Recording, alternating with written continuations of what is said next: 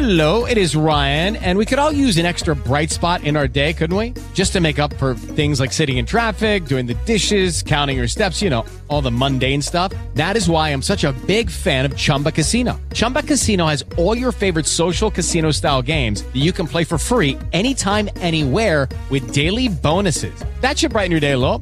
Actually, a lot. So sign up now at chumbacasino.com. That's chumbacasino.com. No purchase necessary. VGW Group. Void were prohibited by law. See terms and conditions. 18 plus. Judy was boring. Hello. Then Judy discovered ChumbaCasino.com. It's my little escape. Now Judy's the life of the party. Oh, baby, Mama's bringing home the bacon. Whoa, take it easy, Judy. The Chumba life is for everybody. So go to ChumbaCasino.com and play over 100 casino-style games. Join today and play for free for your chance to redeem some serious prizes. ChumbaCasino.com. No purchase necessary. Void were prohibited by law. 18 plus terms and conditions apply. See website for details.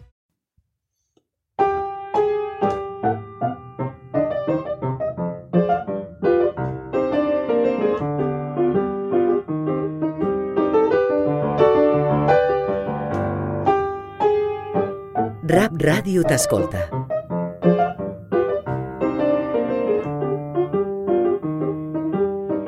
Revolta, revolta, un pont entre cultures.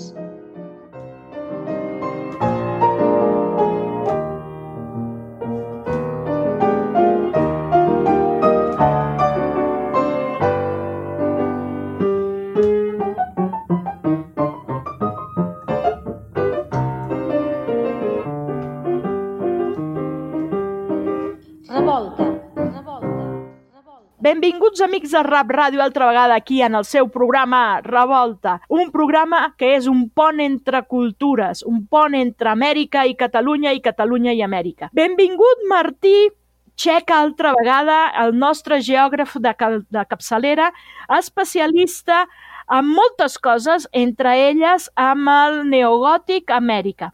I us en recordeu que ja havíem parlat d'un dels grans arquitectes que porta aquest estil aquí a l'Amèrica i fa diverses obres, concretament a Mèxic, que era italià, us en recordeu que vam parlar del Adamo Boari, i ens vam quedar, com, ara sí que com telenovela, com Culebrón, ens vam quedar que el Adamo Boari, per encàrrec del govern Porfiri, de Porfiriano, fa el Palau Postal i després li encarreguen fer al Palacio de Belles Arts. Doncs Martí, endavant, aquí ens havíem quedat, que a l'Adamo Boari li encarreguen al Palacio de Belles Artes, però comencen a haver problemes.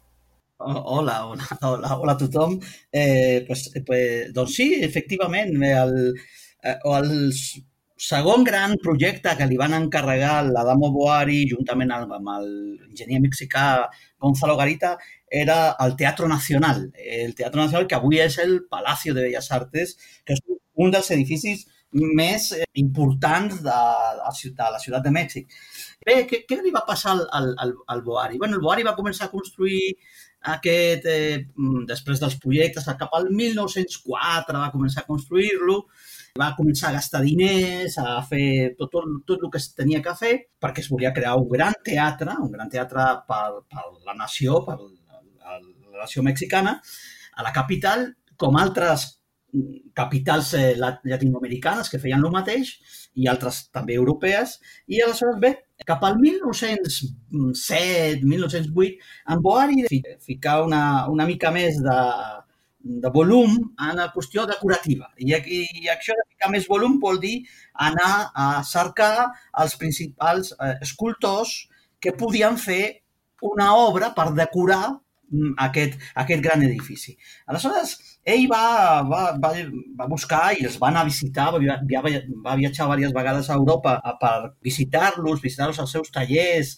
i convèncer-los. Va visitar, per exemple, a Leonardo Bistolfi, que era pues, un gran escultor italià que estava a Turín i que era el tu per tu del, del Auguste Rodin, de l'escultor francès. Va visitar també altres escultors italians, com l'Eduardo Rubino, que era un deixeble de Bistolfi. Va visitar francesos, a l'Emmanuel Fremier, a l'Anton Antonin Mercier. Va anar a Madrid i va visitar un escultor català que feia obra a Madrid i que era un dels, el gran escultor de l'Espanya de final del segle, que era del segle XIX i principis del XX, que era l'Agustín Querol, i també va conèixer, va anar a, una, a la Fira Universal de París i allà va conèixer a un, eh, un jove, un escultor hongarès, jove, molt brillant, i també li va contractar, eh, i va contractar el Gessa Marotti, que és així com es deia. Aleshores, molts d'aquests no van presentar cap projecte,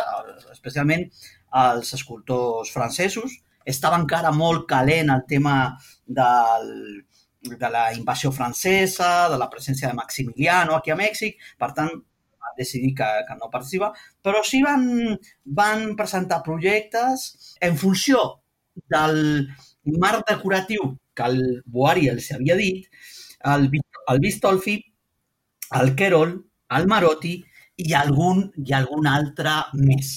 I algun, aquests altres més pues, no, són, no són poc importants. Per exemple, eh, li van carregar a l'Alexandro Mazzucotelli. L'Alexandro Mazzucotelli era el geni, veritablement era un geni, de treballar al ferro forjat. I és molt conegut per tota la seva obra que està al nord d'Itàlia, especialment a Milan, en un estil que és com una mena de modernisme, eh, que es deia Liberty Style, no? o Liber Stilo, no? que era una sort, eh, una mena de similar com es va fer a Catalunya, com es va fer a Bèlgica, com es va fer a Alemanya, com, eh, de, de, de l'Art Nouveau, no? de l'Art Nouveau, del modernisme. No? I a Machucote li va encarregar unes, eh, pues unes portes, eh, unes reixes per unes finestres, que encara hi són. Bé, i aleshores en Boari, en un moment determinat, eh, va dir, bé, necessito un escultor que sigui a l'obra, directament a l'obra. I no li puc dir a aquests grans escultors perquè pues, aquests tenen tallers, són gent consagrada, i aleshores va, en el taller de Bistolfi, de Leonardo Bistolfi a Turín, es va trobar amb un jove molt entusiasta i li va convèncer, el va convèncer d'anar-se cap a Mèxic. Aquest jove, des deia Gianetti Fiorenzo, i aquest jove va, va estar, des de 1907 a 1912, va estar treballant a peu d'obra al Palacio de Bellas Artes a la ciutat, a la ciutat de México. I va, ser, va fer tota aquesta decoració petitona eh, que hi ha en aquest, eh, aquest eh, eh, gran edifici. Què, què podem dir d'aquests escultors? Bé, el primer que hem de dir és que gràcies a aquest programa escultòric, a aquest programa decoratiu, tant per l'exterior com per l'interior del Teatre Nacional, avui Palacio de Bellas Artes, eh, tenim una, una obra que no només és interessant arquitectònicament, sinó que és interessant en termes escultòrics. Per què? Perquè recull en un únic edifici, al centre de la ciutat de Mèxic, l'escultura que es feia a principis del segle XX arreu de, del món, especialment a Europa, especialment a Europa. Per exemple, a la portada principal tenim una arquivolta i tenim a dalt unes figures que representen la inspiració, que representen la música, que són del, del Leonardo Bistolfi. Leonardo Bistolfi, ja ho he comentat, és un dels grans escultors de finals del segle XIX, principis del segle XX, a Europa, a Itàlia, és el un dels actors principals del simbolisme italià.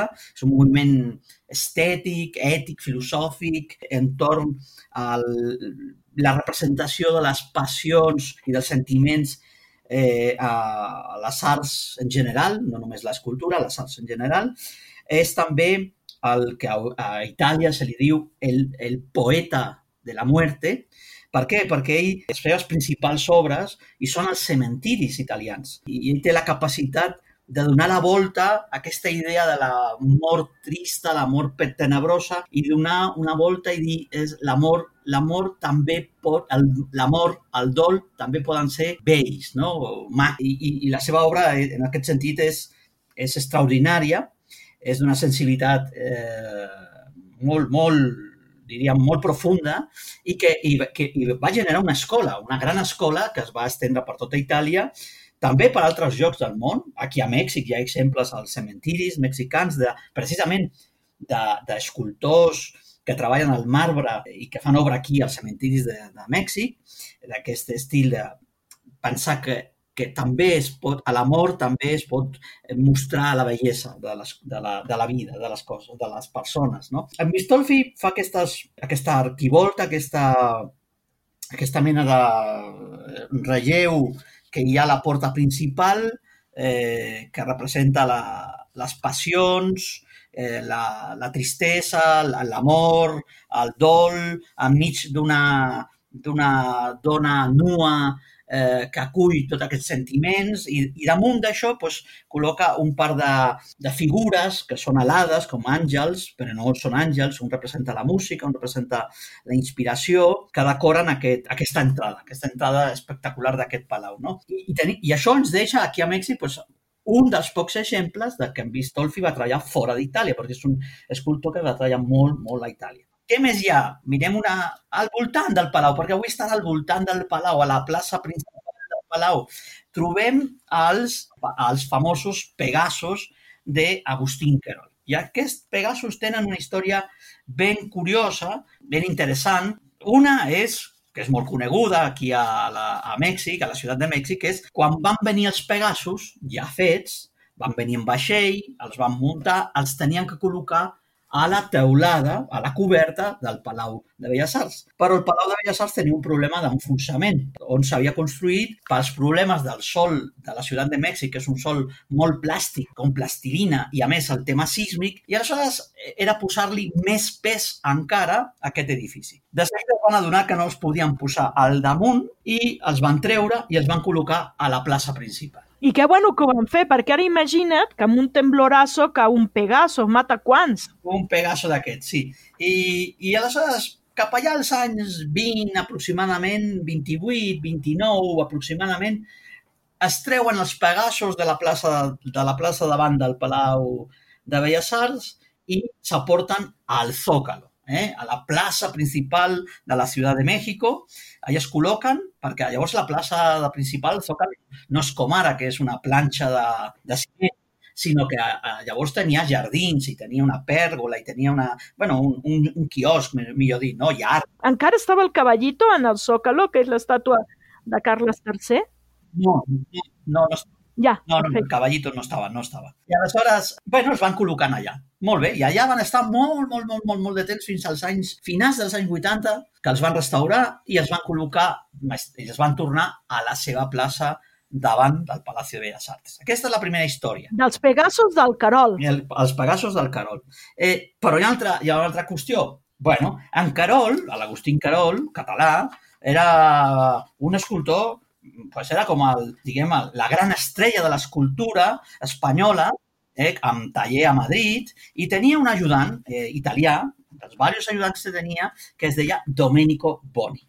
Resulta que al Carol li van encarregar aquests, aquests Pegasus, aquests cavalls. Eh, cal recordar que en, en Carol li havien encarregat també uns Pegasos, o, o com a mínim una cosa que pot semblar un Pegaso, o que són cavalls galopant per al Ministeri d'Agricultura a Madrid, que és una, una de les imatges més famoses de la capital d'Espanya, no? Ell tenia una certa fixació amb aquests animals, no? Aleshores, bé, Carol eh, fa tot el projecte, fa, com es feia abans, no? El, el model en, en, en guix, eh, i comença el procediment de fundició, es feia doncs, a, a la cera, no? Però es mor. Ell té una malaltia bastant greu, sí, que li afecta a, a, la seva la sang, bàsicament, i, i, s'hi i, i s'hi mor. Qui fa tot l'encàrrec posterior? bueno, l'encàrrec posterior, què vol dir? Acabar de treure de la fundició, empac, eh, eh, fer les... Empaquetar i enviar. I després veure on es col·locaran, perquè també has d'estar-hi, no? Eh, exactament. Això li fa el seu ajudant, que és el Domenico Boni. El Domenico Boni és un noi relativament jove, és un noi de Carrara, com molts dels escultors italians de l'època, que bàsicament són de dos, dos llocs, Carrara i Pietrasanta, on hi ha canteres de marbre, i, i potser d'altres llocs, però són, no són els, els que més n'hi ha, no? Eh, I en 23 anys, imagina, tenia 23 anys el Boni. I aleshores el Boni decideix, bueno, dir, bueno, envio tot això, tot això, jo ajudaré a muntar-lo i, a més a més, aprofita ell per col·locar obra pròpia, obra seva. És un noi molt jove. Allà al Palau. Allà al Palau de Belles Arts. I aleshores, si anem per lateral del Palau, del Palau de Belles Arts, al, per l'eix central, per l'eix central, ve, veurem en aquesta façana dues eh, figures de dues dones. Una eh, de cara, són dones nues, una de cara i una d'esquena. Avui molt plenes de brutícia per la contaminació i de més, i perquè estan en un lloc que és molt complicat de, de tenir cura, no? I, i bé, aquestes dues dones són d'en Boni, són del, del, del Domenico Boni. Com era tan jove i segurament no tenia cara, prestigi, eh, pues, es, se, se li van equivocar en el nom i, i tothom, allà com a dintre del Palau de Belles Arts, hi ha les plaques que diu que escultors van fer obra i tot això, i sempre diu que és A. Boni, A. Boni. És Domenico Boni. Domenico Boni, eh, després d'aquesta experiència de muntar els Pegasus i posar les seves dones nues al Palacio de Bellas Artes de Mèxic, pues va decidir fer via americana i es va anar cap a Cuba. I allà va fer algunes obres, no? Però va morir molt jove, li va agafar la febre groga i es va morir a Cuba. Molt jove, molt jove, als 30 anys. En aquella època era molt normal, no? Era una, una epidèmia impressionant, la febre groga, no? Exactament, era molt, molt, molt normal. Què més n'hi ha? Bueno, què més n'hi ha? Bueno, ha el que us deia, que es va arribar a, a quedar a peu d'obra perquè el Boari el va voler i va dir que és un nou jove de Turín, molt animós, molt, que té moltes ganes, que a més ha treballat amb el Bistolfi al seu taller, per tant està com protegit no? i beneït per, per aquest, aquest, aquest gran escultor italià i que es diu el Gianetti Fiorenzo. I el, el Fiorenzo va agafar i cap a Mèxic. I allà va fer tot el que el Boari volia per decoració. Per la decoració, aquesta petita decoració que hi ha a totes les parets del Palau de Belles Arts de Mèxic, per fora. Per exemple, ell va fer dues figures que són molt conegudes. No? Una és el Guerrero Jaguar, a la porta principal del Palau Principal, a la mènsula central, sí? hi ha la figura d'un guerrero, d'un guerrero amb un cap de, de jaguar, no? que ens remunta pues, a les cultures mesoamericanes, al món azteca, del qual en Boari en sabia molt, perquè va estudiar-lo abans de venir inclús a Mèxic. Ja, ja era un gran coneixedor de l'arqueologia de l'època i aleshores va voler reflectir aquesta mexicanitat d'aquest palau amb aquesta imatge que li va, la va dissenyar en Boari, però li va esculpir al Fiorenzo. Què més va comprar? A una porta lateral, a una porta lateral de la façana principal a una de les portes laterals, té tres portes, aquest, aquest palau, va col·locar també una peça, un, un petit relleu, on hi ha representada el cap d'un gos, d'un gos setter. Qui és aquest gos? Bueno, és el gos d'en Boari, la gosseta, més millor dit, la gosseta d'en Boari, que es deia Celeste Aida. La Celeste Aida, aquesta gosseta, que era una, una setter eh, de color negre, eh, acompanyava Boari a tot arreu. I a un lloc que l'acompanyava sempre era a les visites d'obres al Palacio de Bellas Artes. El Fiorenzo va voler, i el Boari van voler fer una mena de pues, d'ullet, no? d'ullet a, la, a, la, a la història i van dir a la, i li van posar a la gosseta perquè pensaven segurament que alguna cosa també havia tingut que veure amb la inspiració d'en Boari per fer el Palau. No? I la van col·locant allà. I és una de les històries més, més boniques del, del Palau. No? I més divertides, perquè tothom es pregunta què fa un gos aquí i ningú t'ho sap dir. A mi m'han arribat, a, ho, he, ho he llegit i m'han arribat a dir que és la representació de los cholo escuincles. I no té res a veure amb un xolo escuincle, perquè aquests gossos tenen les orelles cap amunt i la gosseta, com bona setter, té les orelles cap avall. Exactament, res a veure, és un, absolutament és una, eh, un, si vols tu, una broma que van fer en Boani i, en, i aquest eh, Fiorenzo. I el Fiorenzo va fer més coses, moltes més coses que no es van col·locar mai. I no es van col·locar mai perquè segurament no es va arribar a temps, perquè eh, Boari va deixar de ser eh, el responsable de l'obra el 1912, i, però que estaven dissenyades. Per exemple, va fer tota una sèrie de plafons amb les estacions de, de l'any, amb, amb l'hivern, l'estiu, que són peces, eh, figures de dones i, i d'homes molt, si tu vols, ja tocant a l'art deco, eh, figures tocant a l'art deco, eh, que hem sapigut d'elles precisament per, perquè estan els, les fotografies dels models en guix al, on es guarda el, el material d'arxiu que va deixar la família d'en Boari i està a Ferrara, a la biblioteca del Comunale de Ferrara. Allà estan aquestes plànols, croquis i les fotografies. També va fer uns plafons en Fiorenzo sobre els sentiments, no? la tristesa, l'alegria, i també va fer uns plafons, pensant en això dels animals, que una mica eh, responen a aquesta qüestió que comentaves de la gosseta, no? que si és xoloscuincle o no ho és. No? Eh, va fer figures, per exemple, d'un coyote, d'una cabra... O sigui, va voler d'alguna manera que no només fos la, el gos, sinó que hi hagués altres animals mexicans voltant. Mai es van col·locar, mai, mai, mai. I tots són figures Però mai les va arribar a fer en marbre? Només va fer els dissenys? mai, mai les van fer en marbre, les van fer en guix, sí, guix. Es van enviar fotos, fotos que es van veure, es van guardar, per exemple, al, a l'arxiu de la Secretaria de Comunicació i Transportes, les fotos. Sospitem que alguna sí inclús es va, va fer en pedra, eh? Sospitem que alguna sí es va arribar a fer, a fer en pedra, però no sabem, no sabem si es van guardar o no, no? Cal recordar que en Boari va deixar de ser cap d'obres responsable d'aquesta obra tan important al, al maig del, del 1912. No es van fer obres des d'aquesta època fins a l'any, jo diria 1919 no es van tornar a fer obres i en Boari es va marxar enmig d'aquest període. El, mil- el 1916, al febrer, al març, es va marxar de Mèxic i havent entregat tot el material que havia fet, les maquetes, plans, tot. Aleshores, no sabem on van quedar, no? Què més? Bueno, i un altre, ja he explicat els, el tema dels Pegasos, no? Molt maca, i que ens connecta, eh? D'alguna manera, jo, hi ha un gran intel·lectual i historiador i escriptor mexicà, Guillermo de la Peña, que va escriure en el seu moment sobre el tema dels Pegasos, no? I que, que significava això que a Mèxic hi hagués els Pegasos. I a mi també em sembla que hi ha una connexió, d'alguna manera, un, pues no volguda, perquè no és volguda, entre aquests mena de Pegasos del Ministeri d'Agricultura allà als, al centre de Madrid i aquests Pegasos a la Ciutat de Mèxic, al centre de la Ciutat de Mèxic, no? Són els mateixos? És el mateix motllo? No sé si és el mateix morllo, però si és el mateix tipus d'animal. No sé ben bé què, què pensava Carol en aquest sentit. Home, que quan fas quatre també en pot fer sis, no? Ja una vegada posats a fer... Sí, no, i a banda, a banda d'això, segurament perquè hi havia un, una idea...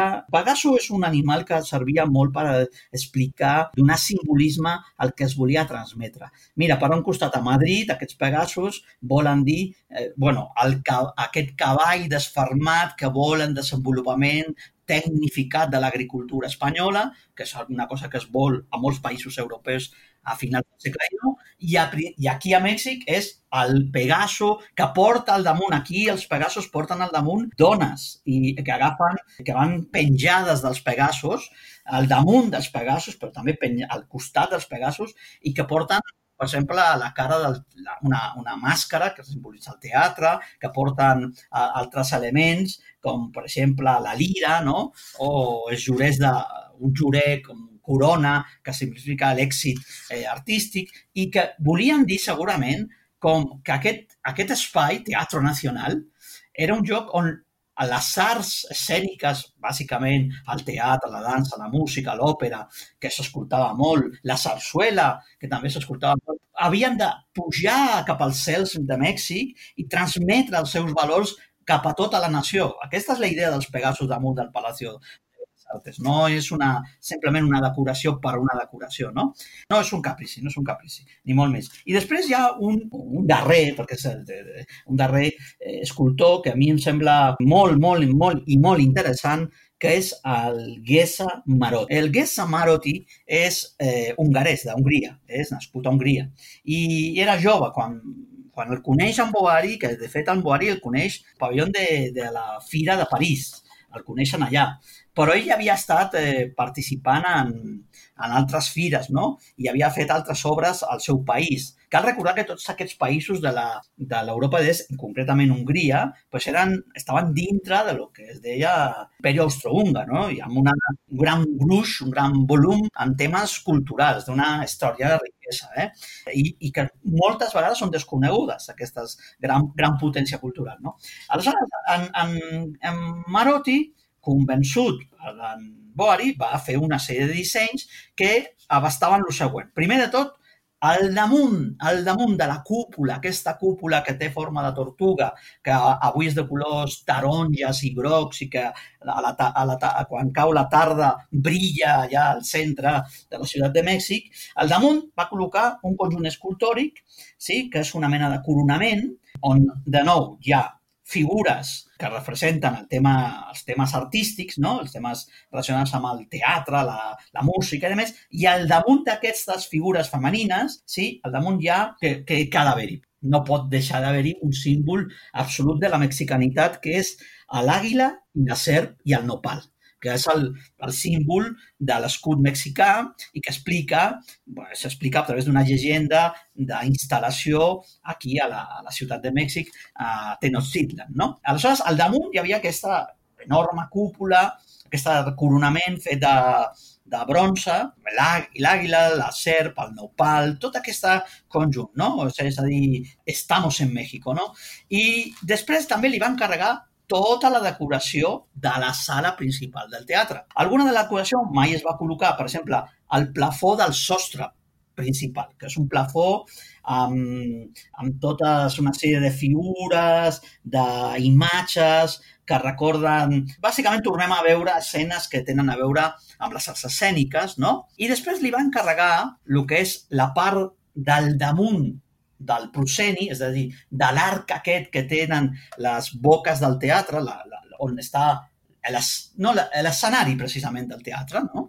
aquesta mena d'arc que hi ha al damunt, eh, li van carregar eh, aquesta, una decoració feta amb, amb mosaic, hi ha figures que recordaven però no, tot aquest món, tot aquest món de les arts escèniques. També va, va fer un primer projecte, que no es va, no es va fer, d'una de les eh, peces, mm, probablement la peça més maca del Palau de Belles Arts, que és el seu teló, el teló de cristall. El Palau de Belles Arts avui té un teló magnífic que representa un paisatge mexicà dels volcans, del Iztaccíhuatl i el Popocatépetl, molt mac. Va fer l'empresa Tiffany's, però l'empresa Tiffany's, que era una empresa dels Units especialitzadíssima en fer eh, peces eh, amb vidre, eh, són molt famoses les seves làmperes, no? però feia tot tipus de decoració, li van encarregar fer a tot el taló. És un taló molt gran, molt gran, que pesa 27 tonelades,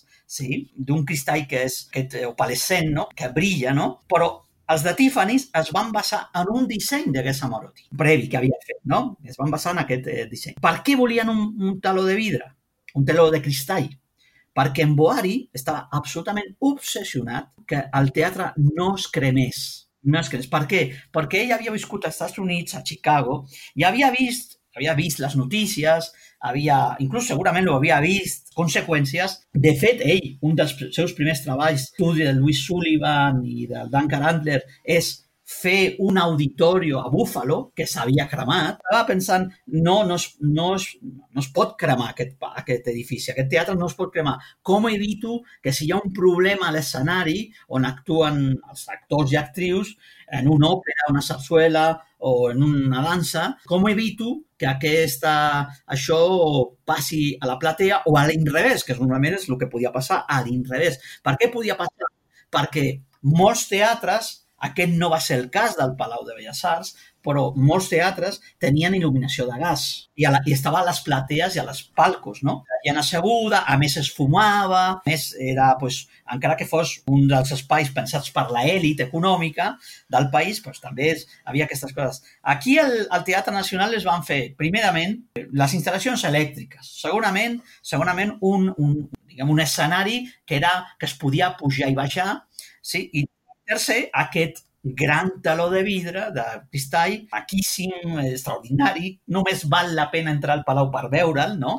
que era per protegir del foc, sigui d'on fos, al propi teatre, que no es cremés, no? Algunes curiositats, no? Te deia, no? Te deia de que el mosaic aquest, diguem que va, es va posar al damunt, no? Al damunt del, precisament del teló, del proscenio, el que es diu el proscenio, no? pues té coses molt curioses com que ens connecta com amb les llegendes europees, no? Los Nibelungos, no? per exemple, nos connecta amb obres de la literatura com eh, Jason i los Argonautes, Medea, Hamlet, Dante, no? la Divina Comèdia. No? És a dir, allà el Guessa Marotti va voler dir a veure, mireu, esteu veient aquesta obra, però aquí al damunt d'aquesta aquesta boca de l'escenari hi ha tot això que és les grans obres de la literatura, del teatre, que es poden arribar representant aquí perquè la cultura és única. I amb un paisatge mexicà, perquè estan els volcans allà, no?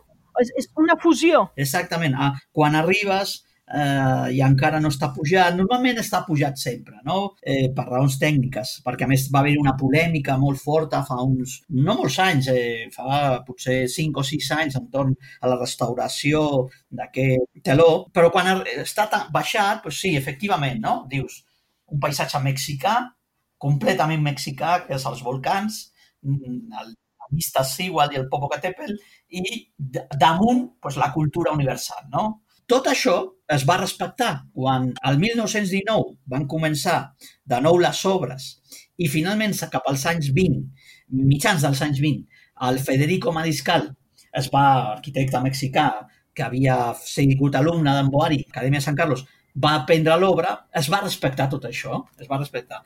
Llavors es va fer una altra mena de decoració, ja amb escultors mexicans, que va servir per decorar bàsicament el hall d'entrada. Per això, quan entrem al Palau de Belles Arts tenim fora a l'Art Nouveau, principis del segle XX, i dintre tenim, eh, pues jo diria, una qüestió com eh, Art Deco, con tons neoazteques i neomaies, sí?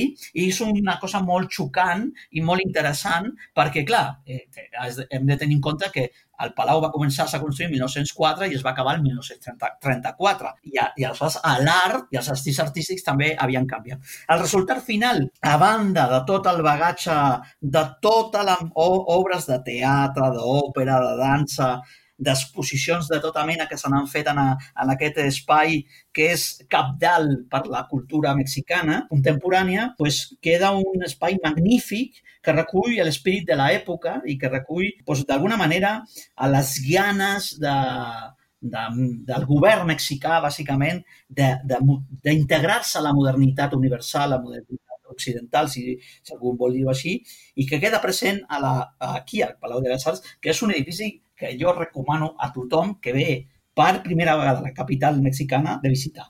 Sí, totalment d'acord. Martí, moltíssimes gràcies. Jo voldria seguir xerrant amb tu perquè és exquisit, però ens tallaran el coll. I abans que això succeeixi, millor fem un altre programa. Et sembla bé? Molt bé, em sembla molt bé. Vinga, doncs a reveure, Martí. Moltíssimes gràcies altra vegada. A reveure, amics de Rap Ràdio. Ens, ve... ens sentim el proper dijous. Gràcies, Martí. Gràcies, adeu-siau, que vagi molt bé.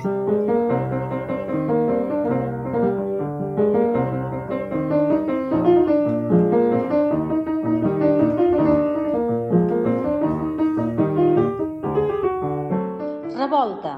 Revolta. Un pont entre cultures.